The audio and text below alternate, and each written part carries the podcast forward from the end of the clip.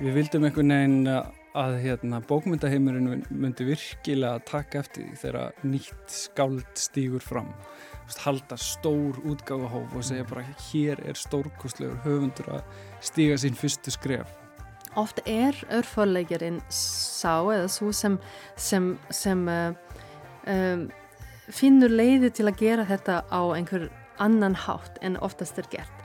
Þannig er bara tilfinningalífið og svona sálarlífið að veist, tilfinningar eru það sem að allar mannverðus einhver veginn hafa sameinlegt og, mm. og, og, og það sem, sem kannski gerir okkur að mannverðum, ég veit það ekki.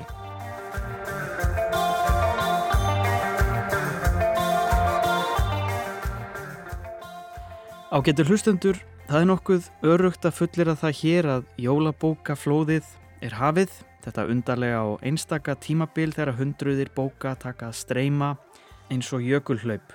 Við ætlum þó aðeins að fjallum eina nýja bók úr flóðinu í þessum þætti. Það er prósaverkið Stjörnufalls eigur eftir Jakob Stachowiak sem verður með okkur í lok þáttar. En við ætlum fyrst og fremst að beina sjónum okkar í dag að bóka útgáfu og það sérstökum keima hennar, útgáfur sem flokkast sem örforlög. Anna Stanetsevits hefur um árabil kent við Íslensku og menningadeild Háskóla Íslands og hefur nýlega lokið doktorsprófi frá skólanum en hún rannsakaði örforlög á Norðurlöndum, aðalega hér á Íslandi og í Danmörku. Við viljum að ræða við hana hér rétt á eftir um skilgreiningar og einkenni slíkra útgáfa. Einnig hittu við Einar Kára Jóhansson sem hefur fengist við bóksölu og útgáfu bókmenta um nokkurt skeið en bókaútgáfa sem hann kom að stopnun una útgáfuhús má hæglega flokka sem ör útgáfu og hún hefur nú saminast öðru stærra forlægi Benedikt. Við verðum með hugan við bókaútgáfu í þættinum. Ég heiti Jóhannes og þetta eru bara bækur.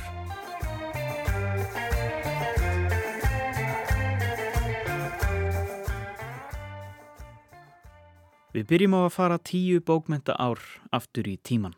Eh, ég vil líka benda að þetta eru, eins og þið kannski vitið, 69 eintök af hverju bók og þau verða aðeins til sölu hér, þannig til klukkan 10. Uh, og ég legg áherslu á það að ef þið viljið sapna tunglbókunum þá er mikilvægt að kaupa þessar fyrstu vegna þess að kili hverjar bókar er einn bókstafur og úr honum myndast síðan ljóð, ljóð lína. Uh, ég vil byrja líka að þakka uh, Reykjavík Bókmyndaborg UNESCO fyrir styrk fyrir þetta útgafihóf eða gjörningakvöld og uh, býð þar með uh, Dag Hjartarsson, annan af aðstandendum uh, tungsins. Velkomin svið, hann er með hugveki um tunglið.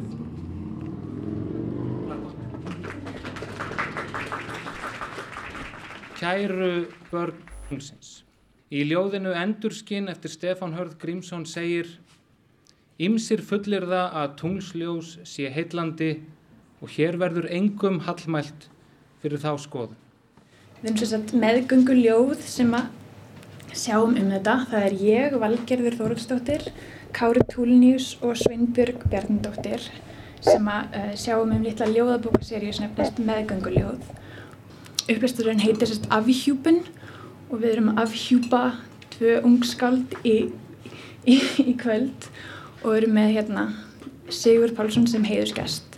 En hérna fyrirkomulegi verður þannig að við ætlum að lesa þess að tviðsvart Þarna ráku við nefið inn á bókmyndaviðburði árið 2013.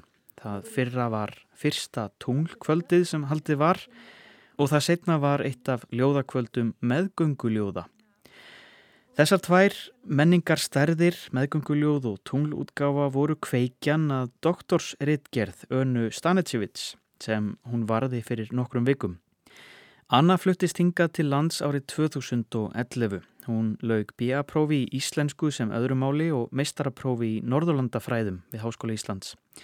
Hún er einnig með gráðu í skandinaviskum tungumálum og bókmentum frá háskólanum í Belgrad og nokkrum árum eftir að hún flutti hingað til lands fór hún að taka eftir bókmenta viðbörðum sem engjendust af einhverju öðru en það sem bóði var upp á í megin strömnum, ef svo má segja.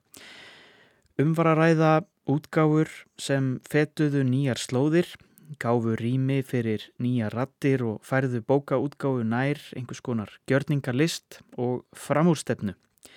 Slíkt er þó engin nýlunda í heimi bókaútgóðu en í doktorsrannsókn sinni beinir Anna Stanitsevits sjónum sínum að örforlögum á Norðurlöndum í upphafi 2001. aldar.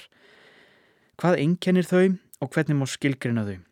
Með þessu hugtaki er vísað til sjálfstæðra bókaforlaga sem stefna ekki að fjárhagslegum ávinningi og gefa engum út fagurbókmyndir, auk þess sem þau staðsetja sig markvist innan framústefnu hefðarinnar.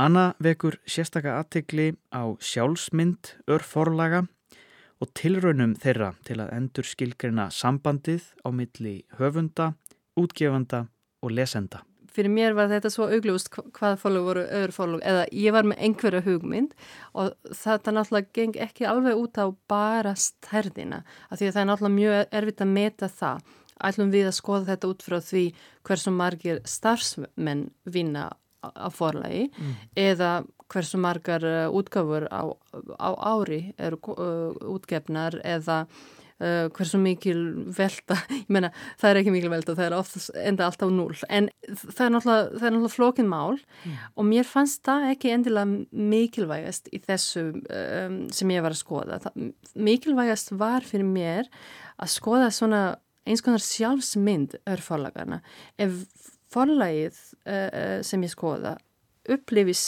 sér sjálf sem svona einhverja einhver svona, einhverja alternatífu, einhver, uh, svona, einhver nýjung á markanum uh, eh, og er náttúrulega sjálfstæð starfandi og ekki með svona uh, ekki að vinna að fjárhagslegum ávinningi þá, þá er þetta spennandi nóg og kannski ekki mikilvægt hvort það sé bara ein bóka á ári eða fimm bækur eða tíu bækur mm. sem koma út stundum engar en það er kannski líka spennandi hvort það sé ein kona sem reykur forlæð eða kannski hópur, kannski kollektív sem vinnur saman.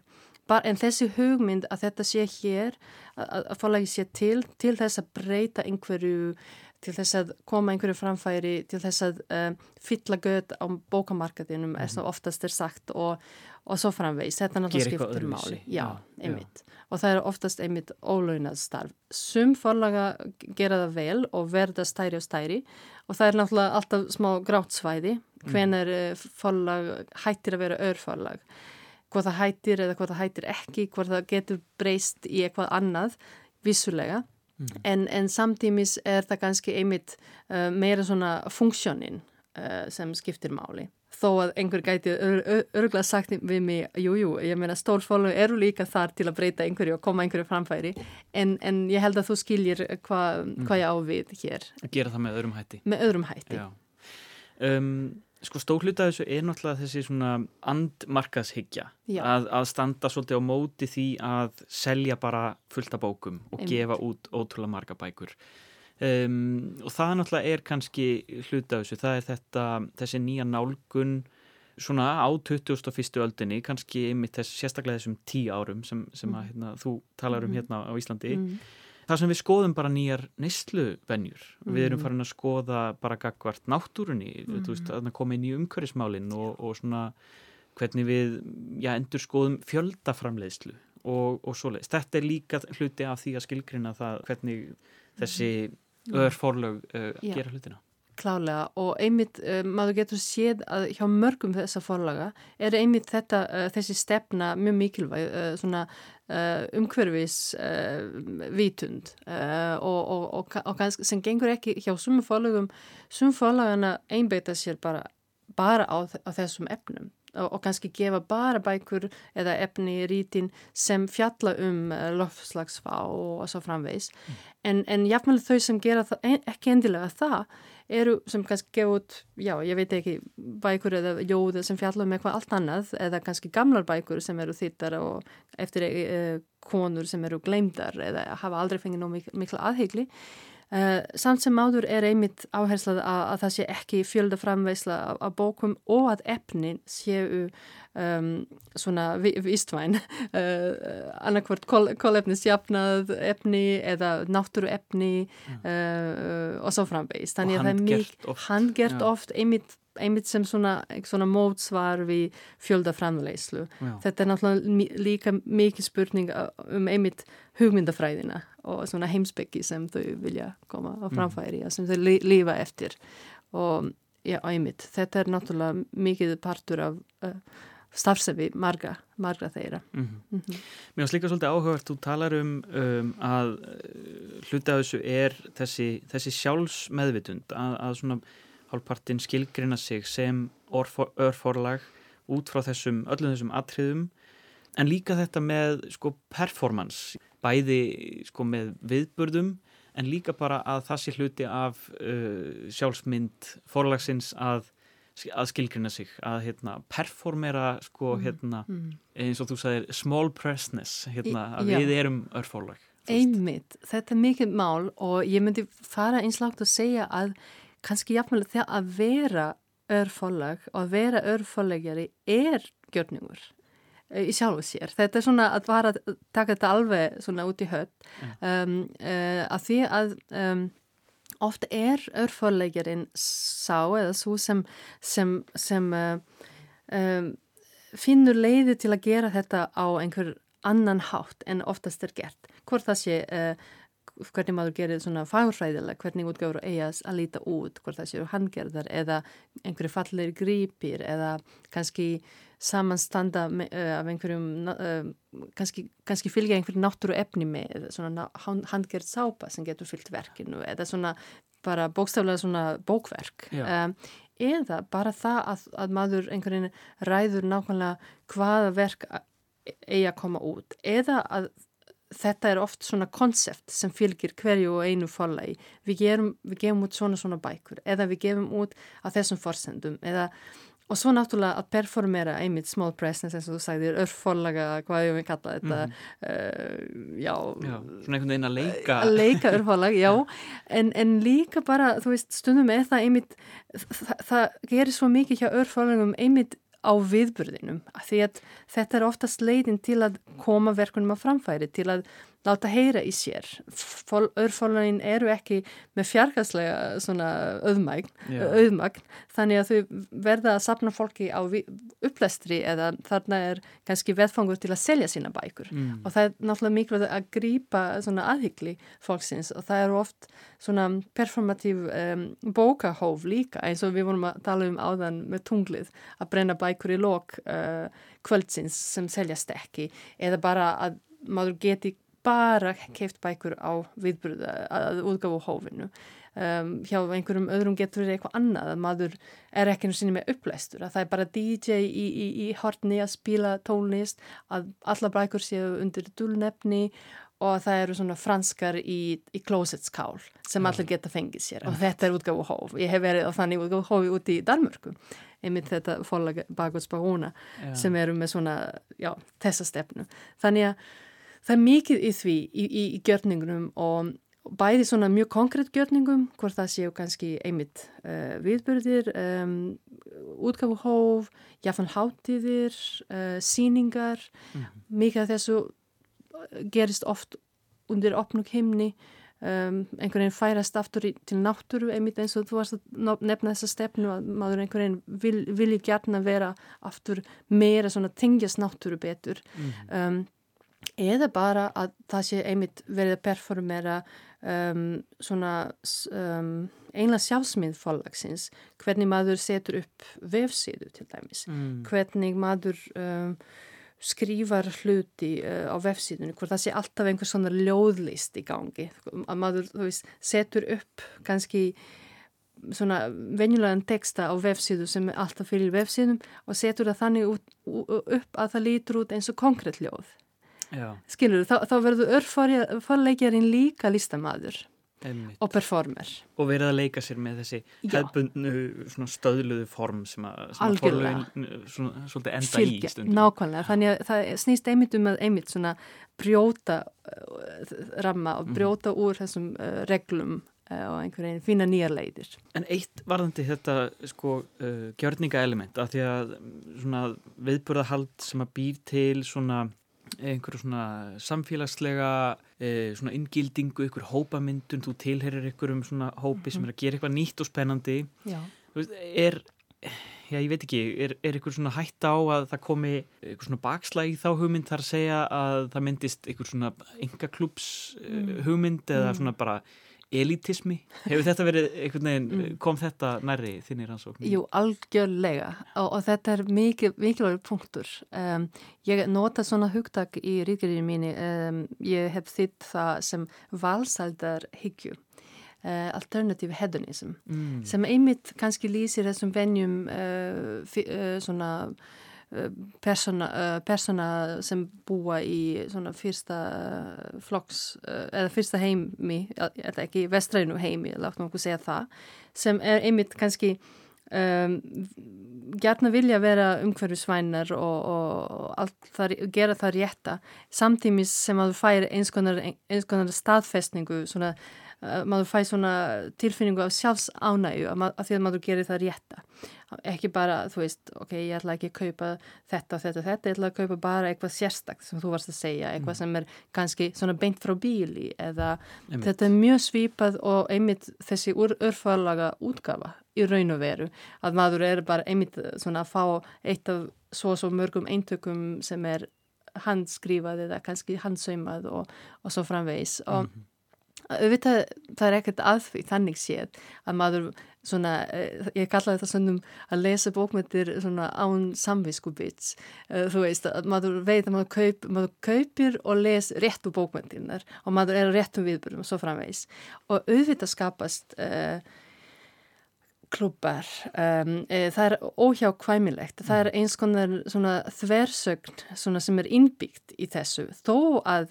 öll þessi fólög, uh, myndi ég segja, eða jáfnvel flest þeirra, eru einmitt með svona öfuga hugmynd um uh, svona einhverja demokratiseringu, um, um líðræðislega uh, hugsun og, og vilja gerna vera svona opinn og, og einmitt meðgöngljóð, hugmyndin var að gefa ljóðabækur á verði um, kaffiballans til að gera ljóð aðgengileg og hverstasleg eins og að drekka kaffiballa.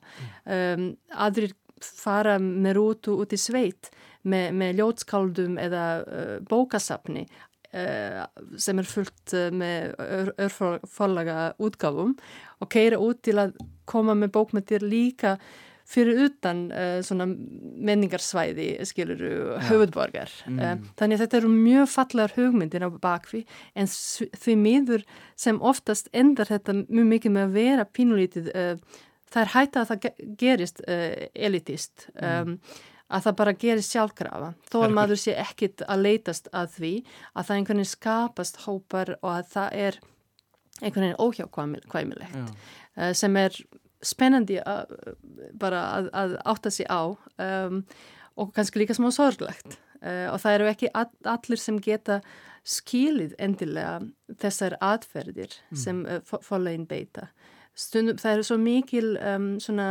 mikil mittilteksti uh, í, í þeim og maður þarf að vera einhvern veginn innvigður uh, lesandi til að skilja til að til að fatta uh, djókið í uh, brandaran í, í þessu og vera með sama húmur og, og hafa lesið uh, heimsbyggi, vestunum heimsbyggi og bókmyndir, heimsbókmyndir og norrlandabókmyndir og ég veit ekki hvað til að skilja, kannski þekkja framurstefnu hefðir um, til að geta tengt og haft ein, eins konar svona ramma til að, til að, til að, til að meta það sem er verið að gera. Já.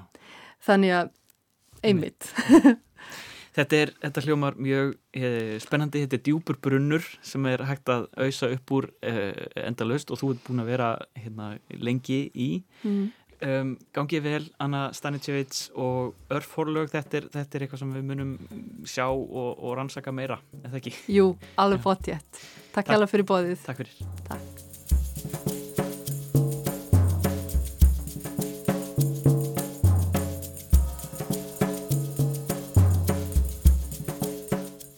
Eitt af þeim Örf Horlögum sem hafa sett marksitt á bókmentalífið undanfarið er Una útgáfuhús sem á stuttum tíma sendi frá sér fjöldabóka, þýttar og eftir höfunda sem voru að senda frá sér sínar fyrstu síður.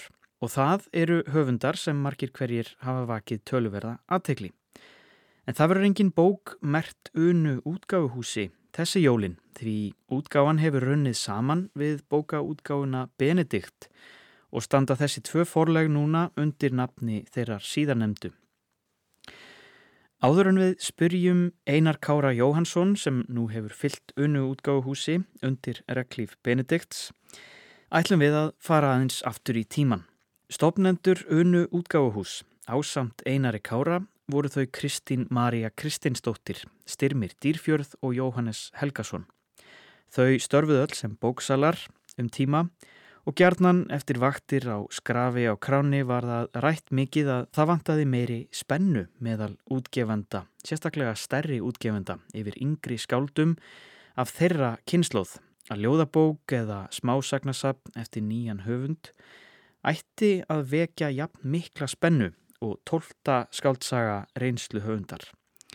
Víða Erlendis vekti það mun meiri titring og spennu í bókmyndalífinu.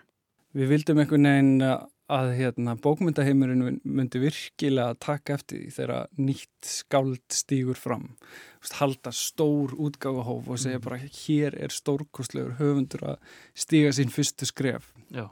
Og hérna, það hjálpa náttúrulega að vera með frábæra bók til þess að geta gert það. Og við vorum það heppin að fá strax inn bara geggjaðan skáldskap. Uh, og það var einhvern veginn nóg af honum hann úti sko.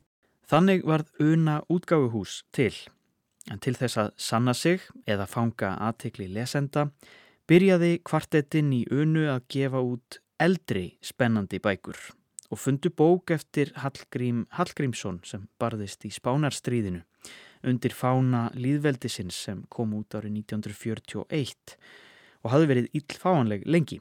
Síðan vatt útgáðan upp á sig og þau fóru að líta í kringum sig eftir nýjum höfundum með ný og öðruvísi bókmentaverk. En já, hugmyndin var svona að kynna til leiks hvað þessi kynnslóð hefði til að bera og, hérna, og ég held að það hefði tekist ákveldlega sko en á sama tíma þú veist það var þú veist öll önnur forlög voru alveg svona kannski að byrja að gefa þessa kynnslóð svona samhliða mm -hmm. svo að hérna ég ætla ekki að eigna mér það að hafa kynnt þessa kynnslóð til leiks sko en, en hérna það mátti bara einhvern veginn leggja meiri áherslu á það og vera það... spenntari bara einhvern veginn. Já. Og það því að mér finnst þess að, þú veist, þegar maður horfir á bókmyndalandslæðið í öðrum löndum þá er rosaleg svona stemming fyrir debutantverkum og þú veist, nýjum höfundum að stíga fram mm og stundum bara, eða á þessum tíma fannst mér vanta þess, þessa stemmingu. Svona spennuna í kringum. Já, og við vildum sérst koma inn með nýja höfunda, við værum þá nýjur útgefundur Við vildum kynna til leiks nýja hönnuði, vera með svona okkar kynnslóða hönnuðum mm. og vera þá með kannski svona svolítið framsækna hönnun líka sko. Og svo vildum við líka fá svona nýja þýðendur inn í flórina. Við ja. vorum ekki út þýðinga líka og þú veist, þýðendur á Íslandi eru margi hverjir svona komnir á yfir ákveðin aldurs, skulum við segja og, hérna, sem, og þeir eru allir frábæri en, en það verður einhvern veginn að eiga sérst að enduníung þar líka sko, mm -hmm. svo að hérna Svo þetta er það sem við vildum koma með inn í bókmyndasenuna. Sko. En þið verið líka svolítið leiðandi í því að auka flóruna og, og bæta við til dæmis uh, sko, höfundu sem eru af erlendum uppruna og, mm -hmm. og svona, þið verðið svolítið með þá höfunda á ykkar, ykkar snærum og, og sem hafa Já. margir orðið mjög áberandi. Já, við byrjum með hérna pólifóni af erlendum uppruna En þetta hérna, við erum sko, við vorum kannski með sko annan fótinn í bókabúðinni og svona í takt við almenning og svona, en svo vorum við líka að koma úr uh, Háskóla Íslands og bókmyndafræðinni, svo að þú veist, þar var búin að vera umræðið, skilur, um hvar eru innflýtinda bækur Íslands, þetta sem að tröllriður bókmyndafræðum heimsins eiginlega, mm og bókmenta umræðu víðast hvar í hinnum vestrana heimi já, á þú veist þetta bara einhvern veginn vantaði algjörlega í, e, í flóruna. Og svo var ég svo heppin að kynast henni Natasju S sem að hérna sem var svona brjálaður lesandi bara alltaf að lesa allt í kringu sig og var búin að lesa allar íslenska bækur og þegar hún var bara að kynnast íslenskunni og, og samhliðan einhvern veginn varð hún skáld á íslensku og hún hóaði saman í hennan risastóra hóp og við heldum okkur bara í fjarlægð, þetta var sérst hópur af höfundum af eh, erlendum uppruna og hérna og þessi hópur bara fekk að tala saman sín á milli og skapa skapa verk sko. Og núna í vor kom út bók sem heitir Skáldreki sem er, er svona rítgerðasapn þessara höfunda. Svo að hérna já þetta var eitt af því sem vandaði og eitt, eitt af því sem við, við og aðrir voru búin að taka eftir sko mm -hmm. Litu þið einhvern veginn á ykkur sem ör forlag?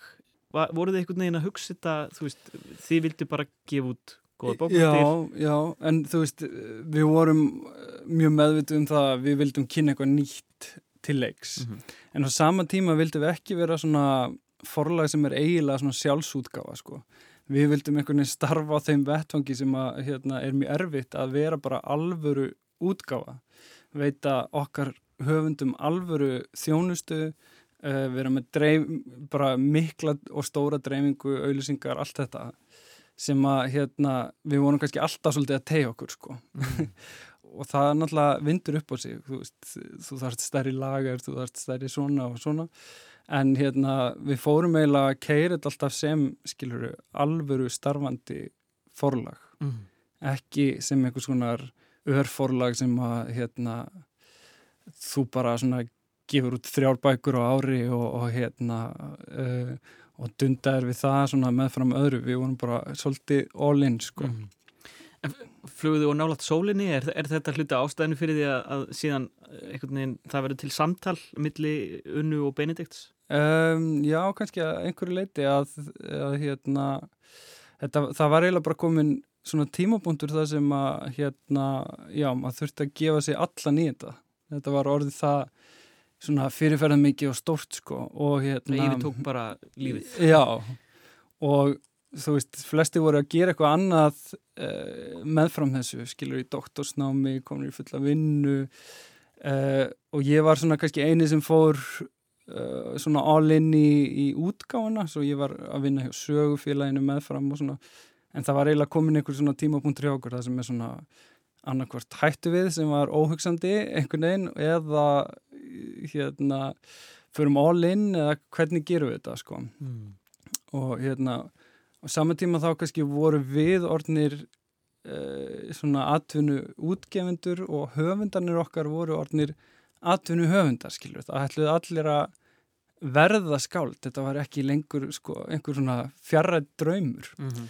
og hérna og þetta voru bara svona ákveðin tímamót og, og ég og Gurra náðum mjög vel saman og vorum búin að þekkjast lengi bara uh, síðan að ég var í bókabúðinni í þekktana sem frábæran útgefenda og mjög metnaðafullan og hérna og okkar bara svona metnaður lág mjög vel saman vegna þess að það er eitt af því sem ég langa að gera er að vera með svona forlag sem er svona í minni kantinu þar sem þú virkilega getur tekið utanum þína höfunda og fyllt þeim eftir og, og svo veist að bókaútgafa sé bara svolítið persónleg og þú veist þetta sé persónlegt og og maður er í svona miklu og góðu sambandi við sína höfunda og, og alla í kringu sig sem koma að gerð bóka mm -hmm.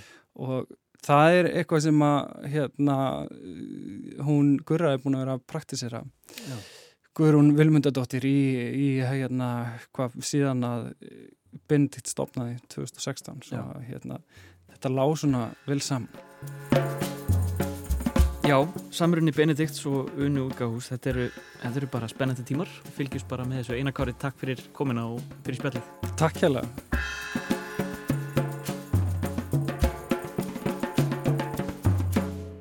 Jakob Stachowiak, skáld og reythöfundur, hefur getið sér gott orði í bókmyndalífinu hér á Íslandi á örfáum árum. Hann hefur sendt frá sér þó nokkrar ljóðabækur og byrt skáldskap sinn og reytgerðir víða. Jakob hefur nokkra reynslu af því að gefa út hjá örforlögum. Bækur hans hafa verið gefnar út til dæmis undir merkjum Páska eigunar, Flóru og nú Dimmu. En nýjasta bók hans, Stjörnufalls eigur, er ný komin út og er fyrsta prósaverk hans í fullri lengd. Og hana príða myndlýsingar, myndlistakonunar Mörtu Maríu Jónsdóttur. Stjörnufalls eigur er framsækið verk með draumkjenta frásögn um söknuð og sorg. Í prósónum má finna tókstreitu, ljós og myrkurs og bröðið er upp fantasískum myndum af borg í læginu eins og mannshönd, hordlausum einhyrningi og föllnum englum. Þá er fólk ljóðmert frá fæðingum, orð skálda eru brendin í ofur smáa bars lofa. Því skáldskapurinn senkar dauðanum eins og segir á einum stað í verki Jakobs.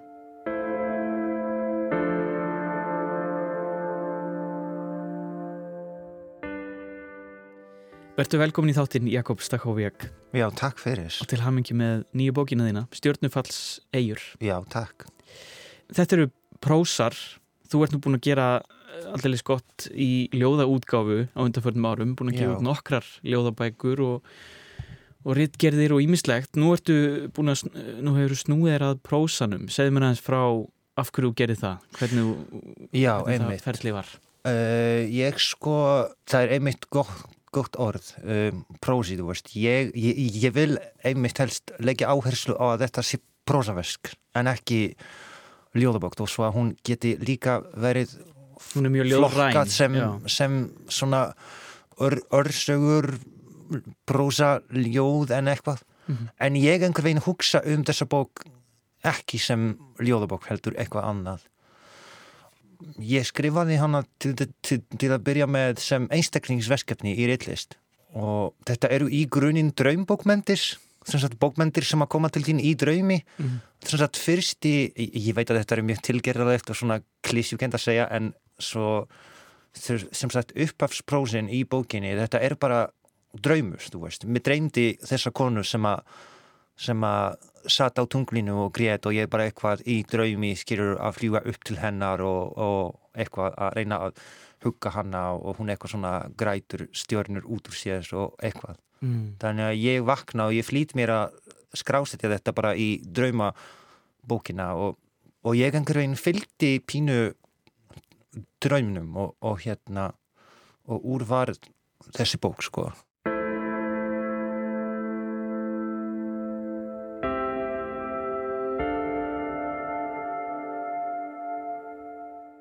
Í upphafi var ekkert nema næturgyðja og guð morgunsins sem svífur saman á festingunni í ástriðufullum faðmlögum. Í sex daga elskuðu þau í blíðum dansi. Á sjönda degi beigð næturgyðjan elskugans síns en hann bystist ekki. Hún settist á dimt tunglið sem byrjaði að lýsast upp, gróf andlitið í höndum sés og fór að gráta. Grét og grét í marga klukkutíma. Kjökrið bergmálaði um alla veröldina umbreyttist í vind. Sum stjörnulega tár stósknuðu á himni. Önnur fjallu í hafið og urðu að eigum. Þær eru nú þekktar sem stjörnufals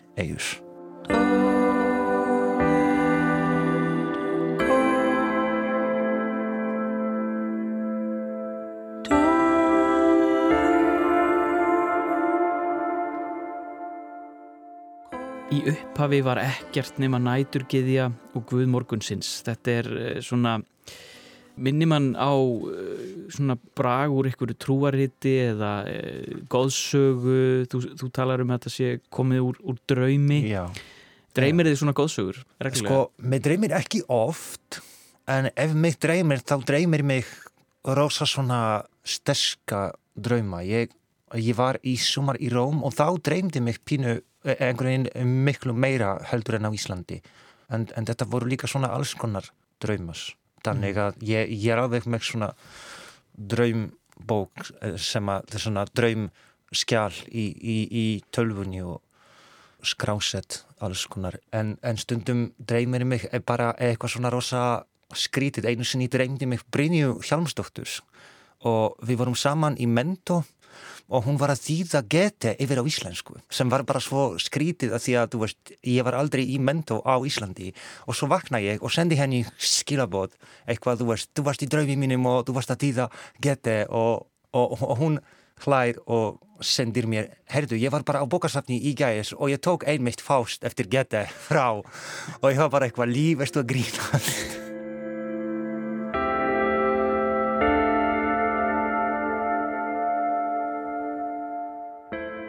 Þetta er svona eiga klassi og ég, veist, ég sá bara fyrir mér fyrsta, það eru uh, svona einkenni uh, sem að uh, einhver veginn gera hverja eigu að sérstökum stað, veist, fyrsta eigan á fyrstu eigunni sem sem sagt er ein bygging sem er í lænu eins og mannsand Mm -hmm. svo er uh, á annari eigu borg, svo er á en annari eigu skógus og þetta er allt einhver veginn ég vildi að, að þetta væri einhver svona aðskilið.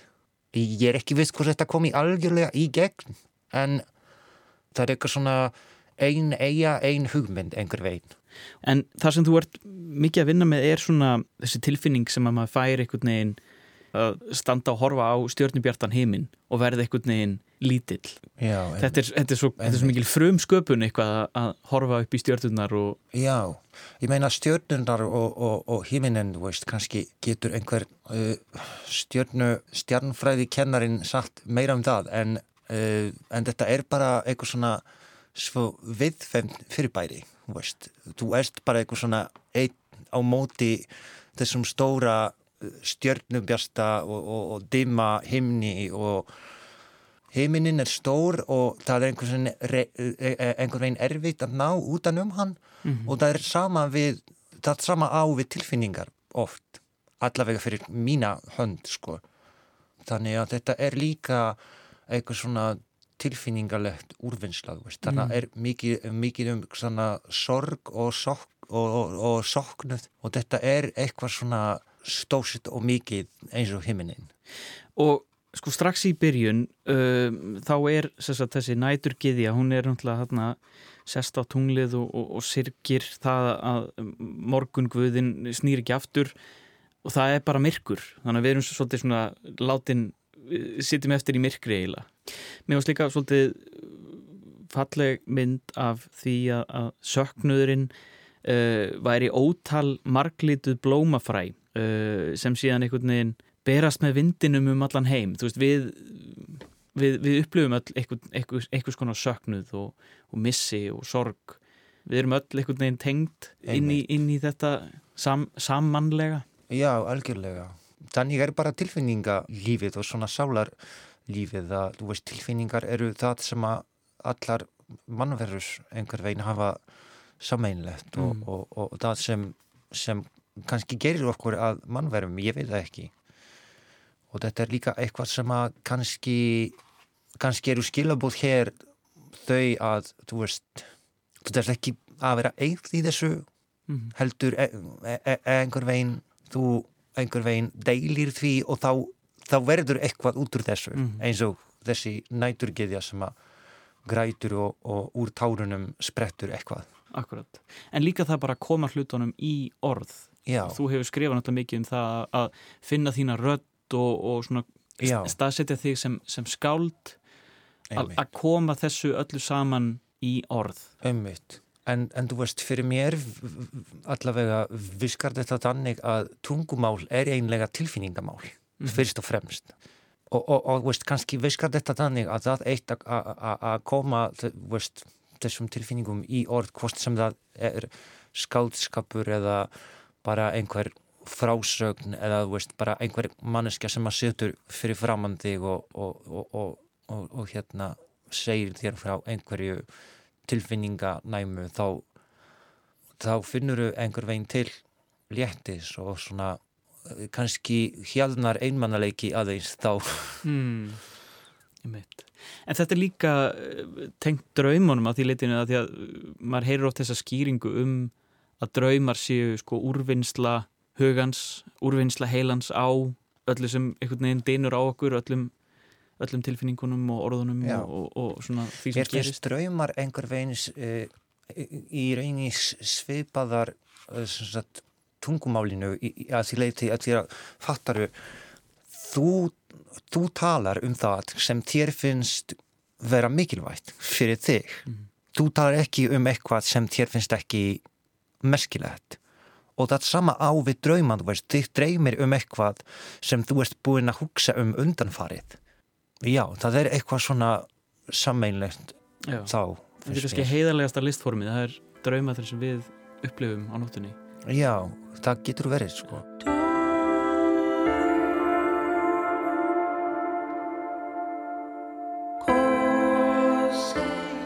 Einhvers staðars milli dags og nætur gerist það eitt augnablík. Þú segir heikandi orð, svo skíin hnerra á himni og fuglar sem hreyðruðu um sig í þessari silki mjögu tilveru falla af festingunni. Þannig eist þú eins og himneskt fjadur regn bæði himinin og hafið.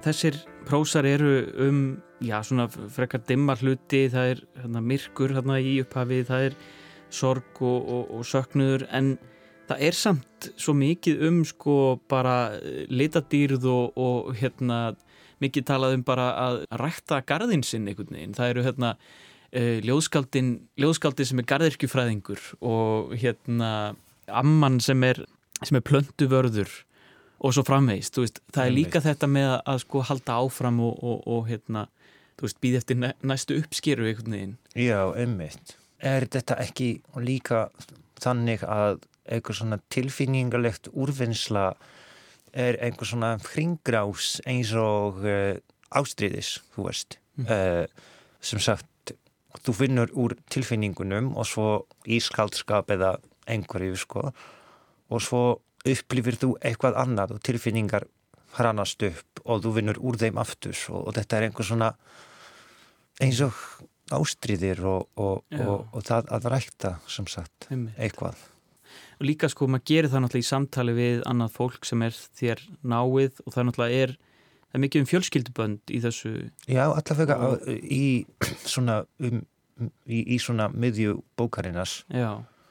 það koma þessir uh, þessir prósar þar sem að þessi dúlarhútla ég sem að Já. ég er ekki viss hver, hver, hver er sko en hann sko hann lýsir emmist sem sagt bróðir minn og afi minn og, og frænga mín og, og, og alls konars Já. og pappi sem vinnur á bókasapn og eitthvað Já. Hvaða fólk er þetta? Hvað er Já, þetta eru bara svona fjölskyldu með, með, meðlimis sem að einhver veginn bystust mér og núna er ég að hugsa um það að þú veist kannski er bara einu eiga þarna bara hús og það er ein, einhver veginn ég meina fjölskylda er náttúrulega ein eining og, og eiga er líka ein eining í, mm. í þessum eigaklassa þannig að kannski kannski viskar þetta dannig sko... og núna, e, e, veist, þegar ég hugsa um það þá veist, e, á eigu á undan skilur er mm. borg þar sem þú veist, í borginni e, erstu bara einhver ókunnug ma manneskja og, og það eru ókunnugir bara út um allt og fólk sem að þú hittir í í, í, í einhverjum uh, lestum sem þú múnt aldrei hitta aftur. Mm þannig að kannski er þarna fjölskyldan á eftir til þess að gera til, til þess að gefa einhverja svona jafnvægi undir fótinn. Já, en við náttúrulega erum að deila oft sögum með ókunnugum Já, uh, mjög oft og við tölum náttúrulega veist, einhver vinnur segir þér frá einhverju sem að sem að gerðist eða hann, hann upplifði og mm. hvað er hann þá að gera? Hann er að segja þér sögu. Já. sögur eru bara út um allt. Orð náttúrulega geta líka verið hættuleg. Geta verið sko hérna uh, þú getur gert svo margt með orðum. Þú getur líka stjórnað og, og sært og... þú getur drefið með, með orðunum og já, ég held að þetta hins einn baklas sem að var mikið í umræðinni undanfarið sínir að orð geta verið hættulegt þannig að það þarf að einhver veginn velja orð varlega. En, en ég, ég, ég veit ekki, ég persónulega vil einhver veginn ég vil halda í þessa trú að orð geta uh, fast okkur eitthvað fallegt og einhver veginn dreyið fram þetta sem er, sem er, sem er fallegt í heiminum af því að við þurfum á þessu að halda mm -hmm. á öllum tímum veist, líka bara sem mótvægi við, við allt þetta við, við allan þennan grífna heim skýrur sem að ja. ég held að, þú veist, kannski er sköpunin og svona sköpunar gleði sem að felst í því að búa til einhver heim úr orðum einhver mótmæli við þessu í sjálfu sés mm. án þess að fara að, á skilur mótmæla fund þetta eru kannski svona hljóð mótmæli.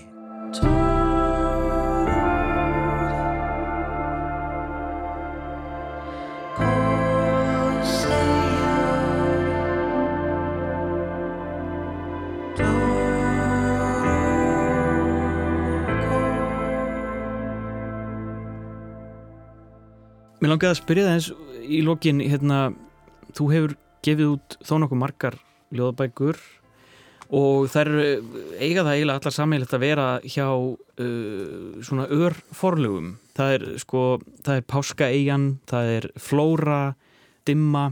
Sko, hvernig hefur þessi reynsla verið fyrir þig að, að gefa út hjá þessum? Bara mjög góð sko. Ég, ég, ég er mjög ánægður. Núna er, er ég komin á fórstu hjá Dimmu og Mér, það, það er eitthvað notalegt og, og dægilegt við að, að vinna hjá forlagi sem er ekki stóst forlag sem sagt, þessi bók uh, Stjörnufalsegjus þá vorum við bara þrjú að vinna saman ég og, og útgifandin og Mastamarja og þetta var bara mjög náið og, og dægilegt samstarf og þetta býður líka upp á þennan möguleika að geta einhver veginn unnið bók í sameiningu allt frá grunni og hafa meira áhrif og, og, líka, og, og kannski meira svona ákvarðanar frelsi í þessu hvað var þar umbrót og útlitt kápu og öll þessi svona praktísk atriði mm. þetta áttur á móti er þetta kannski meiri vinna fyrir þig sem rítvöfund af því að þú ert ekki bara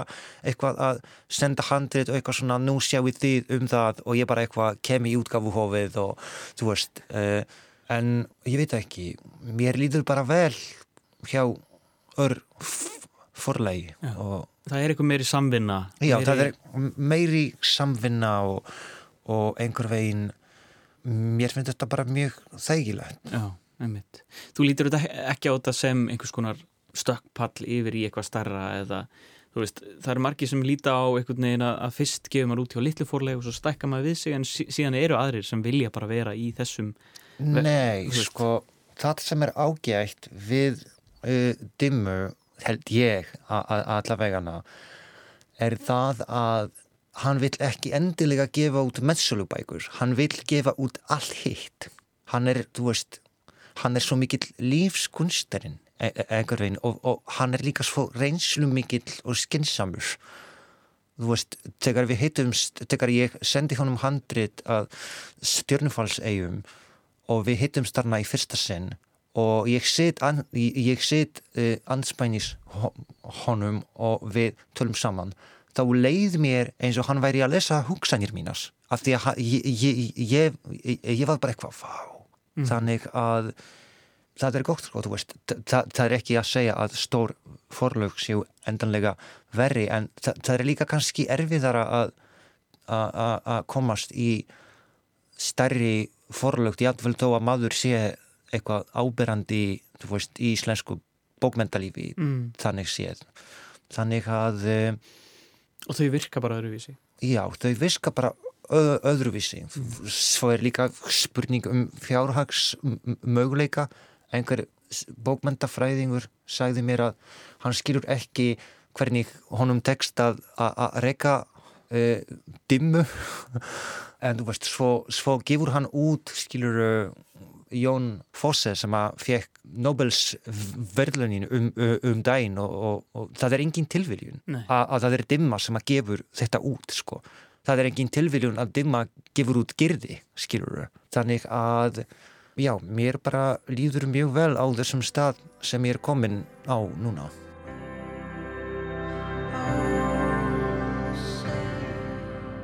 Jakob Stakhovjak til hamingi aftur með þessa nýju bókstjórnufalls eigur og uh, gangiði vel. Takk fyrir